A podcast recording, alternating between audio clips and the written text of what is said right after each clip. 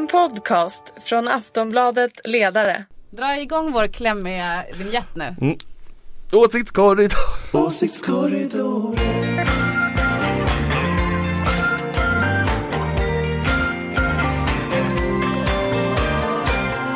Välkomna till Åsiktskorridoren. Det här är Aftonbladet Ledarsidas podd som eh, spelas in vid torsdag eh, klockan 11 och läggs ut på fredagen. Eh, hej Ulrika Schenström, Hej hopp! moderat. Yes! Jonna Sima, Hej! välkommen. Sosse, Anders Lindberg, så jäkla sosse.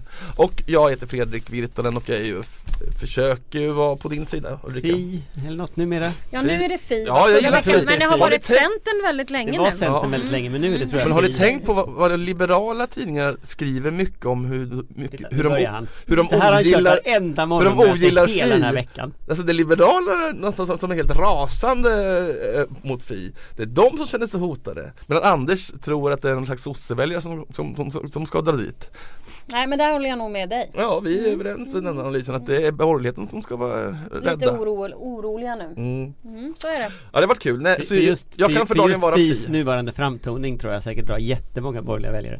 Ja, men de är inte så jävla intellektuella och bryr sig om alltså Södertörnshån och sånt Det når inte fram, det är bara sånt här mikrochatter liksom på, som liberaler ägnar sig åt Nej, jag tror det är helt Alltså ofarligt jag tror ju den som absolut ska vara orolig för Fi det är sossarna, jag hävdar fortfarande det. Och ju mer gubbig sossarna blir ju mer oroliga ska de bli för Fi. Jag tror det är liksom, en- det, det är en mycket stark korrelation.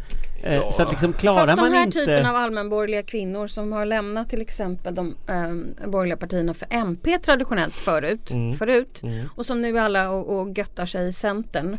De kan mycket väl gå vidare till Fi. mm, Centern När Centern börjar Och liera folk- sig med, med SD eller? och vissa folkpartistiska Det tror jag inte de bittra kommer att göra men om de skulle göra det så, så då tror jag Kvinnor. alla går direkt rakt över någon annanstans. Och Duktiga flickan-kvinnor som har märkt att FP inte gör någonting för dem Ja du Anders Jag tror fortfarande att det, det, det, största problemet eh, så att säga, de andra partierna kommer att ha det är när, när Anneli Nordström, den tidigare ordförande för Kommunal som nu är Fi Börjar prata om kvinnors villkor på arbetsmarknaden och så ska sossarna svara med att alla så här tunga sossar i landet är, är gubbs Alltså jag tror att det är ett jätteproblem för S Ja och det är bra att det är det, de får skärpa sig S Det är ju därför vi har sådana här partier Det är inte alls bra att det är det, S borde eh, liksom ha rätt upp det där för länge Ja sedan det borde de jag Jag saknar Marita Ulvskog Ja, det här blev ett ämne så du, vi kan inte bara Nu gå blev det vidare. ett ämne. Ja, mm. Du, Ja. Fast vi kanske är Att klara vi saknar. Marita Ulvskog Nej, ja, ja, ja det gör vi väl Nej, också. Men jag tycker att, ja, okej. Margareta vi- Winberg saknar jag Ja, men Ja, men alltså fi. måste ni börja prata om alla de här gamla eh, politikerna? Det finns ju många Vadå kvinnor. Gamla? nej men alltså Kida, men alltså som var stora inom de tidigare regeringarna. Det finns ju ändå stor, kvinnor som är, har ganska Just det. hög profil i den nuvarande regeringen. Inte minst Magdalena Andersson. Ja. Eh, Så att jag träffade henne idag. ja du sa Ja. det. Och Jan Björklund. Annika Strandhäll tycker jag är en ny lysande Ja, stjärna. verkligen. Ja, de kan också komma. Ja, men vi snackar om Men det fi. finns ingenting som går upp mot. Marita Ulvskog. Alltså, det finns ingen i detta det. land som kan reta borgare så där skulle han aldrig fruktansvärt mycket som Marita Men jag, jag längtar också inte det. efter de gamla gardet. Jag tänker att det glömde vi ta upp förra gången när vi pratade om eh, ny partiledare för det var ju M-stämma, eller nej, Nej. Reichsmöten. möten. Oj då. Oj Det då. där var Det hette Sverigemöte. Fredrik. Ja, Jag vet inte riktigt. Ja, jag försöker inte koppla ihop er med Inte alls. Nej. Nej nu får du ge. Nej. Nu är det Det var bara. Nu det är det var bara din tyska som Ja jag tycker det är roligt med allting som heter Reich först. Eh, Som till exempel inte det här heter. Ja, det hette ju inte det. Det var ju fel av mig bara. Det var inte med med det. Eh, jo, då Hur ska glömde han vi frågan. Hur ska ta sig ur det här? Jag kände också där. Det var lite... Det är liksom Lägg av! Carl Bildt! Skulle han, vad skulle han säga om han fick frågan Hörru, ta över partiet igen? eh, Nej det tror jag inte. Varför, varför inte det? Vad gör han nu? Han, Ja du får, du får ju skulle- twittra, det- twittra till Karl och fråga. Ni skulle få 5% upp direkt. Det här skulle ju vända. Nu tillhör inte jag valberedningen så det är svårt att... Ja, men, har- men har han sagt någonting i den här frågan? Jag menar, det är väl nej. inte helt Nej. Han kunde ju bli utrikesminister liksom efter att han har lämnat det. Har det någonsin hänt att en statsminister kommer tillbaka sådär efter 25 år och är kandidat igen? 15. Men... Eh, Svenska 20-talet var fullt av 91, 94 roliga exempel på det. Men då kommer Ehm, ni och kontrar med. Han kom ju Det är tillbaka som över 20 år utrikesminister sedan. Ja nu ja, men nu pratar jag om när han blev utrikesminister. Det var det jag nej, nej, hänvisade men som, som statsministerkandidat Alltså, det är jag. kanske är ett tungt jobb eh, när man Nu är är det ju gammal. väldigt många som är ut, det, det var ju, det har ju, oavsett vilket parti vi tittar på så är det väldigt många som är självutnämnda Mm. och väldigt många som bara blir utnämnda sådär av, av, av olika sorters instanser. Odenberg som vi har hypat här, tack vare oss så fick han 97 sidor i Dagens Nyheter i helgen, såg ni det? 97 Ja, sidor! 97. 97! Ja.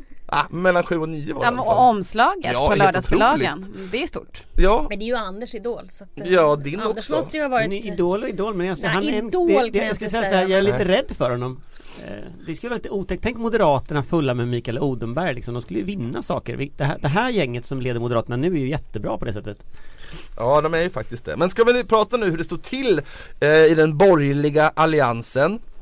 Alltså lagom till förra veckans Sverigemöte då så lanserar ju Centern eh, en idé om hur opposition ska bedrivas. Att man ska eh, ta bort vissa delar i budgeten. Och det, och det här gick inte vi riktigt in i för vi fattade inte riktigt då vad de, det var, så luddigt allting. Men nu har det klarnat lite, eller hur Anders? Nu förstod jag inte riktigt, vad menar du har klarnat? Alltså. Centerns förslag Mm. Alltså Centerns förslag är ju väl det enda av alla de här förslagen som har någon slags rimlig genomförandemöjlighet. Alltså att man, man vill ju, man vill ju helt enkelt ta bort utgifter och man vill väl ta bort intäkter i, i, i budgeten och eh, sen inte fälla hela budgeten. Så att i princip så blir det en budget som riksdagen tolererar i slutändan men även om man inte röstar för den. Det är inte jättekonstigt och det går ju tillbaka på den modell som, som Centern då hänvisar till att S använde 2013 för att stoppa eh, ska, dåvarande regeringens skattesänkningar. Ja, men då var de jättearga på det. Ja, det, det, det, det finns, men det finns några problem med det här och dels är det då att dels var ju Centern oerhört upprörda. Alla borgerliga partier Mm. då var ju oerhört upprörda för att man kränkte budgetprocessen. Eh, och det där hade de nog rätt i. Så här i efterhand så skulle jag nog säga att det var nog det, jag ska inte säga att det var ett misstag av de rödgröna att gå, gö, köra detta men det var inte särskilt smart parlamentariskt därför att etablerar du principen om att du styr sådana här saker från riksdagen då blir det en slags baksäteskörning av den här budgetprocessen. Och erfarenheterna historiskt är att budgetprocessen finns ju där därför att svensk ekonomi totalt havererade Eh, i början av 90-talet, slutet av, av, eh, av 80-talet. Och om vi tittar på så att säga att värna budgetprocessen så är det rätt viktigt.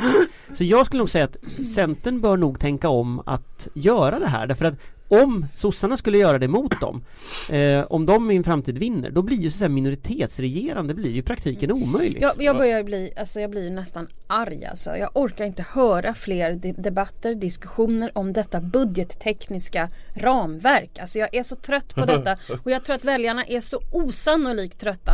Kan inte någon bara berätta vad det är de vill? Och jag tror dessutom, jag menar, det, jag, jag struntar i om det här var smart av Centern eller inte. Jag tror att när man börjar få sådana här siffror och kanske inte riktigt kan eh, liksom hålla sig på marken för att man, man liksom får nästan lite hybris över att man liksom vinner väldigt mycket mark. Så tror jag att det första utspelsgrejen om det här med de här skattehöjningarna som de ville eh, bli av med.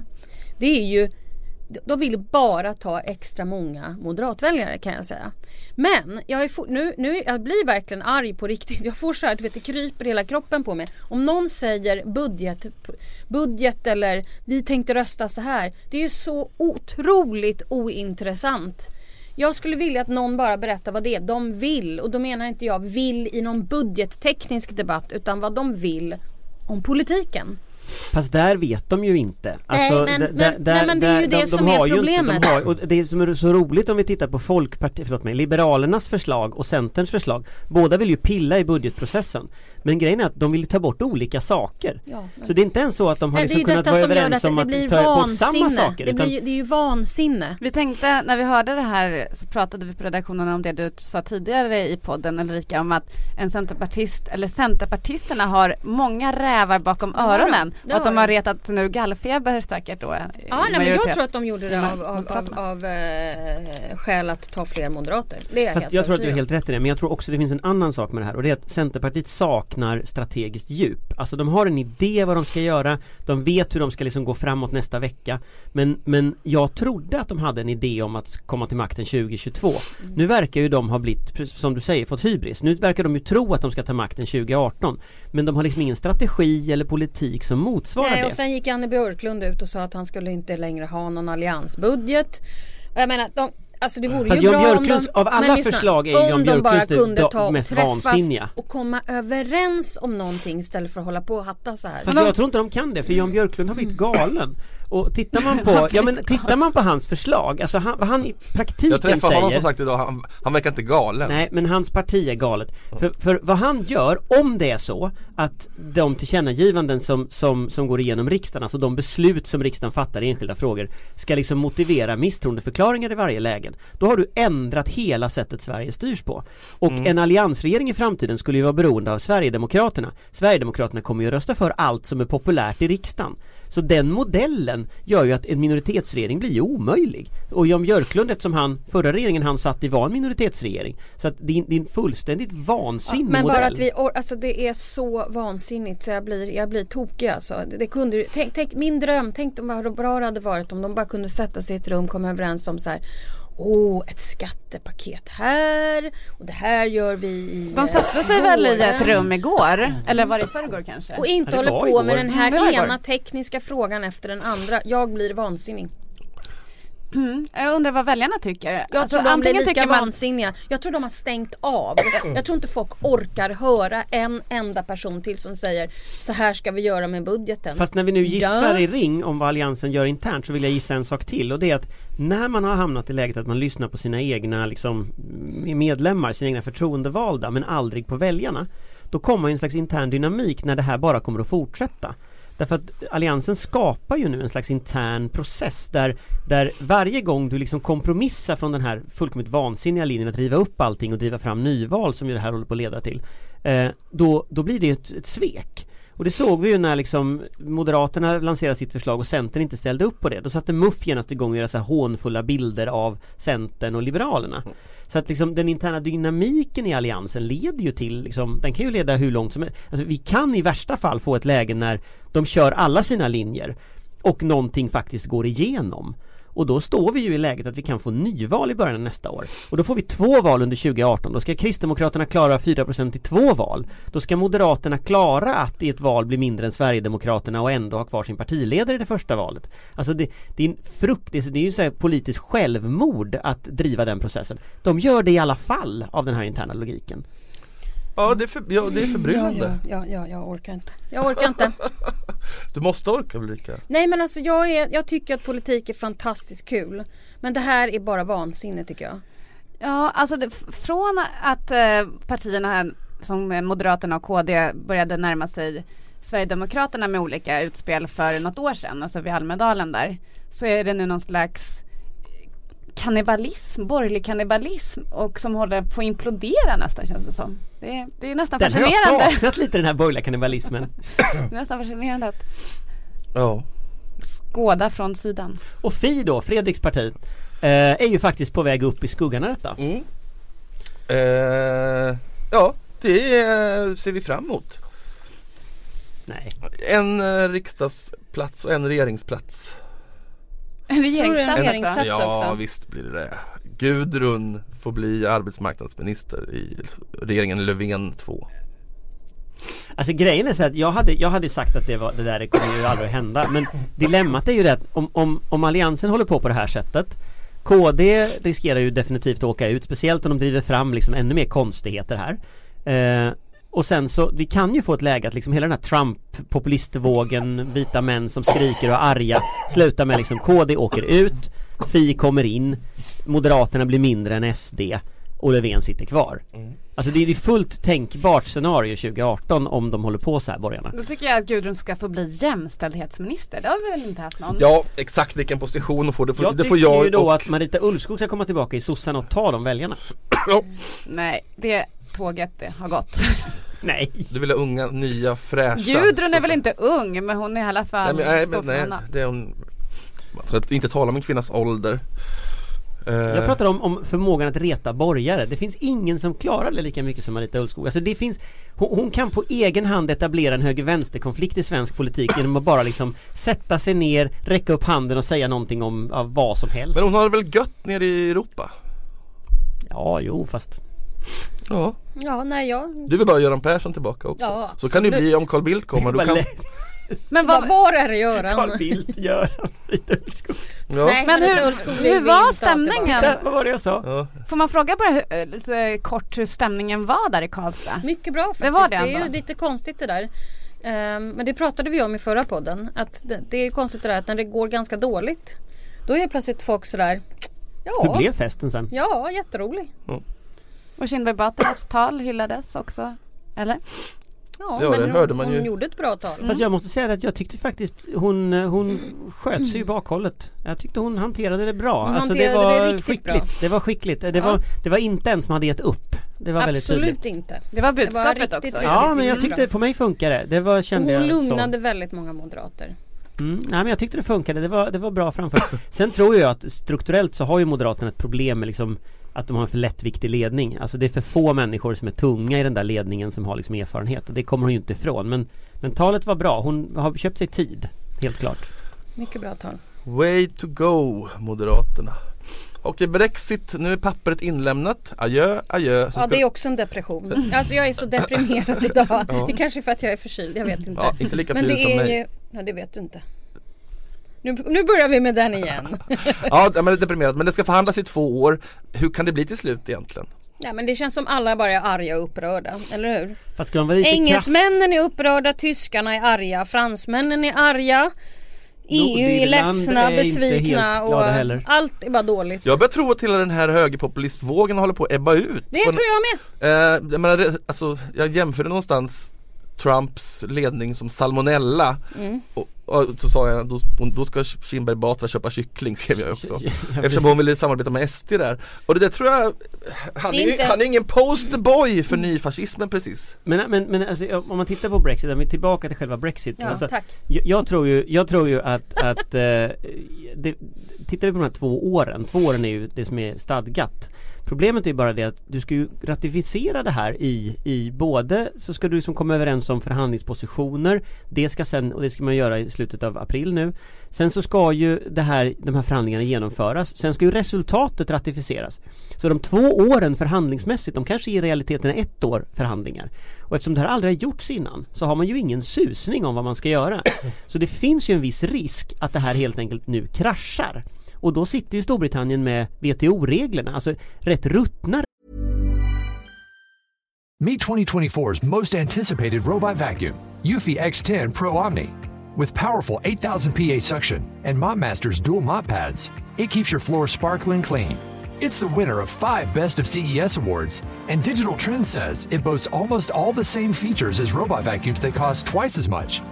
Want to know more? Go to eufy.com, that's EUFY.com, and discover X10 Pro Omni, the best in class all in one robot vacuum for only $799. regler för handel med Europa.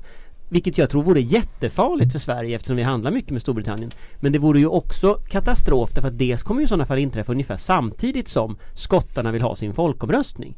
Så att du, du, du sitter ju verkligen i ett läge när, när så alla pilar pekar åt fel håll. Eh, Rent liksom, alla makropilar pekar åt fel håll här.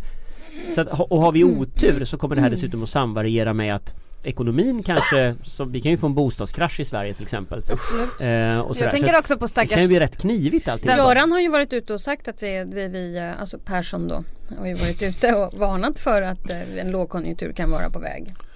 Men Ja, man just- ser ju också framför sig ett, ett Har han, har han parlamentariskt spott i potatisåkern där? Ja, han gör ju det. Ja han gör det, han är ju skicklig på det också så. Men jag tycker synd om den brittiska befolkningen också. Ja, jag nu läggs all kraft liksom från eh, regeringen och, eh, på, på den här Brexit eh, istället för på alla utmaningar som Ja men då sen alla unga, och- alla unga som eh, verkligen inte ville ha det på det här viset Fast Nej, hade, det, men hade det det är klart, funnits men det är ju en, också så att jag menar vi vet ju det att många av de som röstade Liv var ju inte medvetna om vad de egentligen Nej. röstade på. Nej, det är ju skandal. Fast, att, fast jag eh, tror ju, nivåer. fast väljarna vet ju ändå vad de, alltså, Jag tror att många inte riktigt fattade vad det kommer att innebära. Det är inte samma sak som att vara det liksom brukar jag hävda med alla som röstar på Moderaterna också men, men Men jag, min... Ja fast, fast, fast grejen någonstans är ju den att väljarna har ju röstat för det här och där, där sitter vi Men problemet som, som jag tror man kan, kan också fundera lite på för vår del, för svensk del Det är ju liksom det här skräckscenariot att vi får en ny regering 2018 som har lite halvtaskigt parlamentariskt stöd Kanske uppbackat av Sverigedemokrater Sen får vi en bostadskrasch och sen ska liksom en, en, en regering uppbyggd med populister hantera liksom en svår ekonomisk situation. Det kommer ju inte att funka liksom. Så att, så att alla de här liksom trenderna kan ju gå riktigt åt fanders liksom på det sättet och där känns det väl, där blir jag ännu mer orolig för liksom alliansens sopperier liksom Mitt under Brexit, mitt under allting Då får man för sig att starta kaos i Sverige Och liksom, ja Det, det, det där är inte helt lyckat Nej, men det är ju, För att det, inte tala det, är om Rysslands länge nu. aggressioner Det är ju liksom väldigt många ställen som det är obehagligt läge i. Eh, och jag, jag är också väldigt orolig för att den här sätter igång någon slags, och det har jag varnat för förut, någon slags Swexit-debatt som framförallt tror jag SD vill ha. Och någon slags à la carte meny diskussion om vilka, eh, liksom, hur ska vi göra upp med vårt avtal med EU och så vidare. Och Jag ska inte, jag, jag är jätteoroad för den debatten kommer upp. jag tror, inte för att jag, jag, nej jag säger ingenting. Alltså jag hoppas du har fel för jag, jag, Ja, men jag tror inte Det heller, hoppas i jag så fall har SD men redan jag gjort bara- det. Jag tror Jag inte att det bara höjer ett varnande Det kanske är så att Trump räddar hem det där Som Ja, Felix men- sa förut ja, att, att även liksom att- Trump, Trump har liksom All, all högerpopulism blir liksom hopkletad med honom och Steve Bannon och då kan man Och då hamnar det så här anti-européerna hamnar liksom i den påsen på något sätt ja, men alltså- även Brexit visar väl nu att det, inte, det här inte var någon bra idé. Det märker väl även svenska väljare.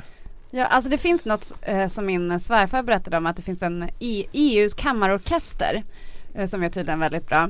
Och nu åker ju alla de här brittiska eh, musikerna ur den Ja. orkestern. Och det är på något vis en, en allegori över den brain drain som EUs, eller Englands Brexit kommer också innebära för hela EU. För även på tjänstemannaplan i EU så är tydligen engelsmännen väldigt skickliga på för att förhandla och så vidare. Och nu försvinner Ja. de så. Ja, de tar ju hela, problemet också är att de tar ju hela EUs utrikespolitik med sig för att det är ju klart att liksom Svensk utrikespolitik polad med, med eh, belgisk utrikespolitik i all ära liksom på världsscenen. Mm. Men det är klart att EUs kraft utrikespolitiskt har ju varit Frankrike Storbritannien i väldigt, i väldigt hög utsträckning som har liksom, och sen Tysklands pengar. Och det har liksom varit styrkan. Nu försvinner liksom den ena av två stormakter som har liksom militär förmåga och liksom globalt inflytande. Och det är klart att det som var EUs utrikespolitik det är, ja, frågan om det finns överhuvudtaget liksom efter den här processen. Och det, om, om, om, om, om så här, EU kan erbjuda Storbritannien någonting så är det ju tillgång till liksom ekonomi och handel. Om Storbritannien kan erbjuda EU någonting då är det ju den utrikespolitiska dimensionen. Så att det kanske finns en möjlighet här och liksom i förhandlingarna Men gifta så, ihop så det. det är att i DN Debatter hade Theresa May skrivit ett brev till Sverige. Det, det förklarade att vi var mycket viktiga handelspartner. Tror ni att hon har skickat 27 olika Det versioner var, på det var 27 min tanke, språk? exakt. Hon har bara klippt och klistrat ut eh, Jag landsnamnen. hoppas att hon har gjort det Ja, det för jag hoppas tror, jag. jag, Har vi jag, kollat, tror att, har vi jag tror kollat att till liksom Frankrike, har vi kollat till Le Monde? Ingen aning men jag hoppas hon har gjort det för att det är klart att liksom om du, om du ska behöva hantera det här som 27 relationer, ja men då får de väl göra det men men Sverige har ju inget intresse av att liksom straffa Storbritannien. Jo. Sverige har ju, nej Jo vi ska straffa dem bara för vi ska straffa dem. Ja, tjena. Jo. Sverige har ju ett intresse av att hålla Storbritannien så nära oss som möjligt. Det är Ja, men vår ska största utländska koloni. Man kan Ja, inte både ha och, och äta Men jag är faktiskt på Fredriks sida Ja, lite. Man måste straffa! lite för annars blir det en swexit också. Eller en swexit-debatt. Annars vill du ha straff, annars vill du ha Alltså batonger det värsta som kan hända är ju i och för sig att engelsmännen får en sån bra deal. Att, Mm. att det säger gynnar det. debatten. Precis. Ja, det, Då kan alla plocka russinen ur kakan. Ja Anders, jag vill, du, du måste sluta vara så nationalistisk här. Tänk på hela EU. Federalistiska, nationella. Ja det är han ju också. Ehm, Han blev tyst. Vilken fantastisk logik, ja, vi har försökt få upp logiken i Jag vad Fredrik här, sa och Jonna sa, det gick inte. Det snurrar hela väldigt, huvudet. ja det snurrar i hela rummet här. nej men du var inte federalist i det, just det ögonblicket. Jo men det är jag, men, men, men jag tror att, jag tror liksom grunden för våran del när det gäller Du har sagt det redan, vi går vidare. Till någonting som äntligen Ulrika får rasa. Det är så kul när du är arg. Ja men jag är mest arg över det här liksom alliansbudget. Ja Eh, men nu, nu kanske du blir ännu mer arg, eller? Vad skulle jag bli arg över? Ja det har kommit ett förslag från regeringen om bilskatter. Jaha nej Alltså- men jag rasar inte över Ja, elbilar. all, du hatar ja, jag, alla högre skatter. Ja, jag tycker inte om dem men, eh, men jag kan inte, orkar inte rasa över elbilarna Det är faktiskt. för litet nu. Ja. Ja men visst är det så, det här är bonus malus, varför heter det så? Det heter- Vad betyder det? Jag kan inte latin. Jag tror att det Eller vad är det är. straff, det är liksom piska och morot på latin. Snyggt. Ja, Det betyder att man belönar och bestraffar då som sagt då. Ja. Och då är det vanliga bensinbilar höjs skatten på och även på el. Men då får man en bonus så det är bra att åka elbil helt enkelt. Men dina gamla gubbbilar som ni moderater sitter och gubbkör i. Vilka Mercedes och BMW. De härligaste och- bilarna. Förutom Och låter dem gå på Ja, tomgång på liksom, tomgång. Bom, pin, bom, bom, bom, pinkiv bom. sådär. Absolut, det är så vi är allihopa. Ja. Vi vet nog. Mm. Och ni blir arga när skatterna höjs va? Ja men jag blir inte arg över den här. Nej då är det inget. Då... Jo, alltså det kommer ju väldigt många bli såklart. Eh, så det är ju ett känsligt förslag. Men det är ju absolut nödvändigt tycker man ju såklart. Eh, för klimatet. Att vi måste ju få ner koldioxidutsläppen. Men det är. Förändringar på något, det heter så här, det, det, det, det Du man kanske är är Anders. förändringar i fordonsflottan. Precis. Eh, men, Ingen arg, vi går vidare. Men jag, jag kan bara säga en, en detalj till i detta. Det är ju att det här med att, att borgarna blir så arga över den här typen av saker. Det är ju liksom strategiskt helt missriktat. För att det här kommer alla att tvingas göra. Alltså en om... Förändringar och omställning i fordonsflottan. Ja som exakt. det så fint heter. Men, men ja precis och tittar vi eh, på, liksom, på lång sikt så är det klart att Sverige gynnas ju av att ha modern teknik. Och här, här är det verkligen så här, gynna modern teknik, inte gynna gammal teknik och borgarna hamnar i helt fel låda. Så att, så att här, det här är ju så här bara hopplöst att ge upp det där liksom. Oljelandet Norge där- har ju ställt om. Mm, Däremot tycker jag att det vore intressant att prata om en punkt som vi skulle prata om, som jag vill prata om för att jag vill höra vad Anders säger om det här. Och det är de här spionerna. Ja, Vilka spioner? turk. Turkspionerna.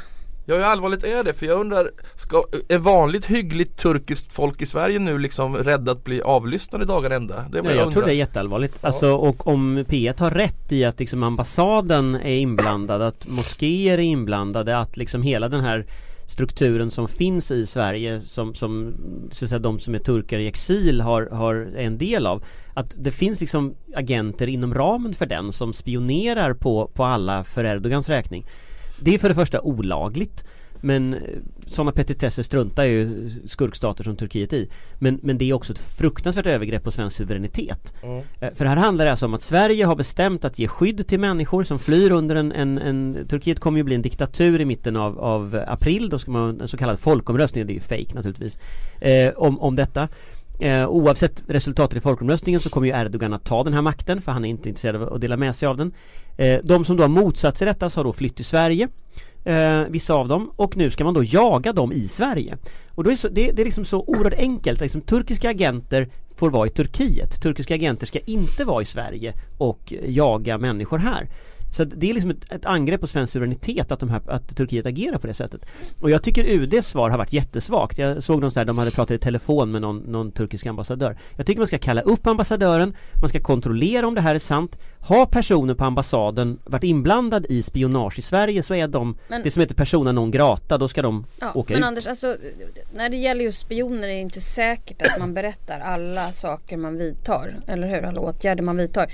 Så här, först och främst är det väl ändå så att det kan ju inte förvåna någon att det finns spioner. Det som jag däremot är mest oroad över det är att det liksom inte finns någon som håller koll på dem. Fast de, alltså Säpo har ju koll på det. Alltså Säpo har, ett, ett av Säpos uppdrag är att hålla koll på det här.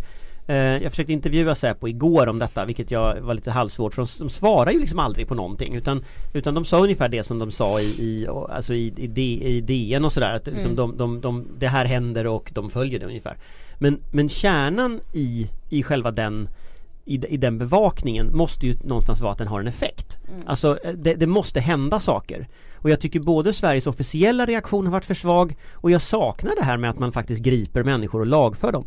Det är till och med så att folk namnges i P1s reportage. Så att det, det är uppenbarligen så att P1 har lyckats få tag på de här uppgifterna hyfsat snabbt. Ja. Eh, och då måste naturligtvis Säkerhetspolisen kunna göra det. För ytterst handlar det om att Sverige ska skydda de människor som har, söker, söker skydd här. Liksom så, va? Och klarar man inte av att skydda dem från liksom, den turkiska underrättelsetjänsten, det är ett jätteproblem.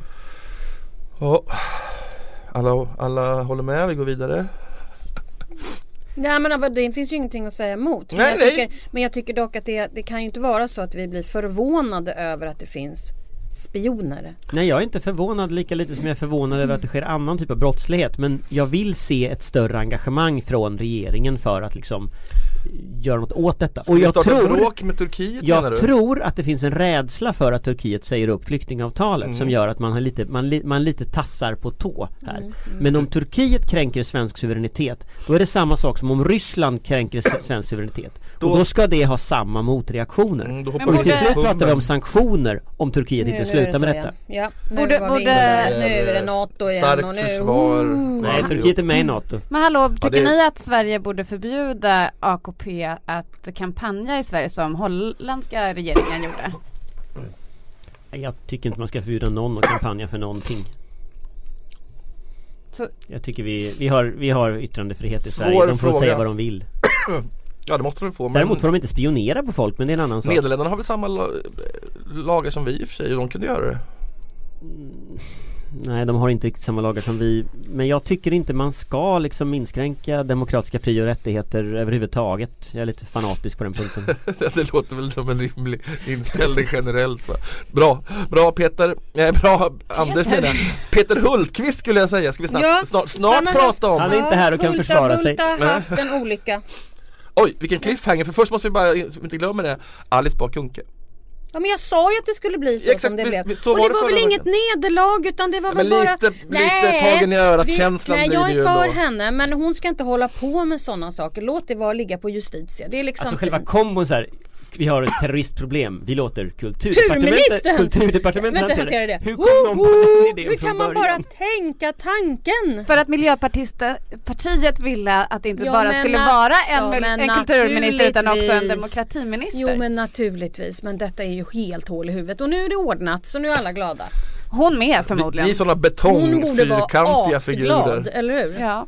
Betong Du tycker att det ska vara kulturdepartementet Kultur- Som hanterar terrorister. All framtida politik kommer ju vi handla om, med. det kulturdepartementet kommer vara det viktigaste vi- som Det, finns det är ett politiskt problem Vi dessutom motar- för då vi säger man någonstans att det Vi handlar om motar kultur helt enkelt terroristerna med dikter, diktsamlingar. Ja, som- nu låter du som vissa idioter i ditt parti, sluta Jaha, med det där menar du så? Ja. Det där, ta tillbaka det där. Nej, Jo, aldrig! ingen har föreslagit slaget att det ska lösas terrorismproblem med Jag försökte diktuppläsning vara lite rolig Det var du faktiskt. inte. Jo det är många Fredrik, som jag är inte helt säker på att ingen har föreslagit det om jag ska vara ärlig. Ja, men ingen, ingen eh, på regeringskansliet i alla fall Jo det, Det, det var någonstans dit Du jag ville kan komma tydligen inte Jag är helt kulturdepartementet.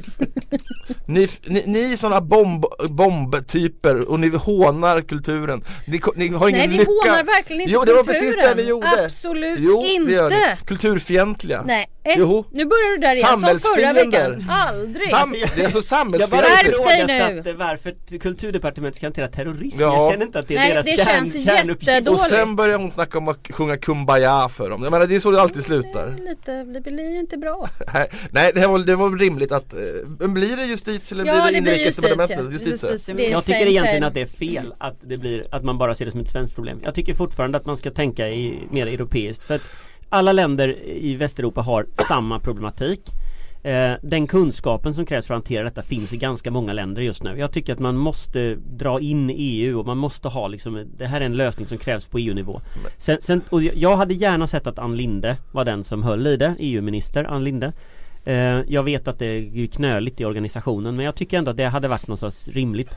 Ja, Lägger man det faktiskt. bara på MSB som ju verkar vara liksom det folk gillar Då hamnar man i en slags halvmilitär civila försvaret logik Och jag är inte helt hundra på att det är rätt sätt att hantera det på. För det är både liksom mer samhällsövergripande och mer internationellt. Ja, det, Men det är regeringen eh, gillar batonger och de kommer, det kommer säkert bli batonger av det här också. Mm, Du också. Ja, jag tycker batonger men med förnuft Ja. Batonger med, Men med förnuft. Betonger med förnuft Ja, jo, det, låter, det, kan vi, det kan man skriva under på Mm. Okej, du, du har information om Peter Hultqvist Ulrika Nej men det hände ju en olycka som han har Va? eh, Nej, va? i, Ja men det var I ju en bandvagn som åkte genom isen med Så körde 23-åring. på honom? Nej, en kille som dog. En 23-åring och det har ju han fått lov att hantera i veckan och det har han ju gjort ganska bra tycker jag.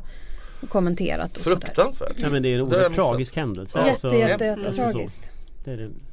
Och det Men- där, och det, det är ju så, sånt där får ju inte hända. Det där måste man ju förebygga så att det inte händer. Sen är det ju Det är väl nästan tio år sedan förra, förra sån dödsolyckan som var eh, på det sättet. Men, men det, är ju, det är ju fortfarande så att det är Det är någonting som måste Man måste ha strukturer, förberedelser för, för att det inte händer. Sen är det ju en trafikolycka. Alltså det, då det är, de åkte genom isen när de åkte fel. Så det är ju Vet man det? Har de gjort Ja den det, verk, Verkar det, det så? det, det verkar ju Ja, vara jag så. och, och just och, och det är ju naturligtvis oerhört svårt. Alltså trafikolyckor är Det är väldigt svårt Men att, särskilt om vi ska förebygga. börja återinföra allmän värnplikt igen och vi vill inte se massa onödiga olyckshändelser då. Nej alltså det krävs ju att man har ett säkerhetstänkande som gör att det inte Nu, nu, nu, nu är det ju inte så här, Någon värnplikt är ju inte införd men, men, men det är klart att det får inte hända och man måste förebygga det så långt det går Och jag, jag, jag uppfattar ändå att det liksom har tagits på väldigt stort allvar både av Ja, liksom. Försvarsmakten och Yes. regeringen och så Ja det var ju en mycket deppigt avslutning på eh, Ja men veckans- ibland ja, händer det, det, där är, det där är bara deppigt det och finns det mesta liksom som har hänt den här veckan har ju varit ganska dåligt. Ja. Men I vi, världen också. I Men, världen också. men solen går upp imorgon. det är Eller hur? din, din käpphäst till Det mig. vet du Fredrik. Och jag säger det till dig när du behöver det. Ja jag vet, Det tack. fint. Tack Ulrika Schenström, tack Jonas Sima, tack Anders Lindberg. Jag heter Fredrik Virtanen. Ha en trevlig helg. Trevlig helg! Åsiktskorridoren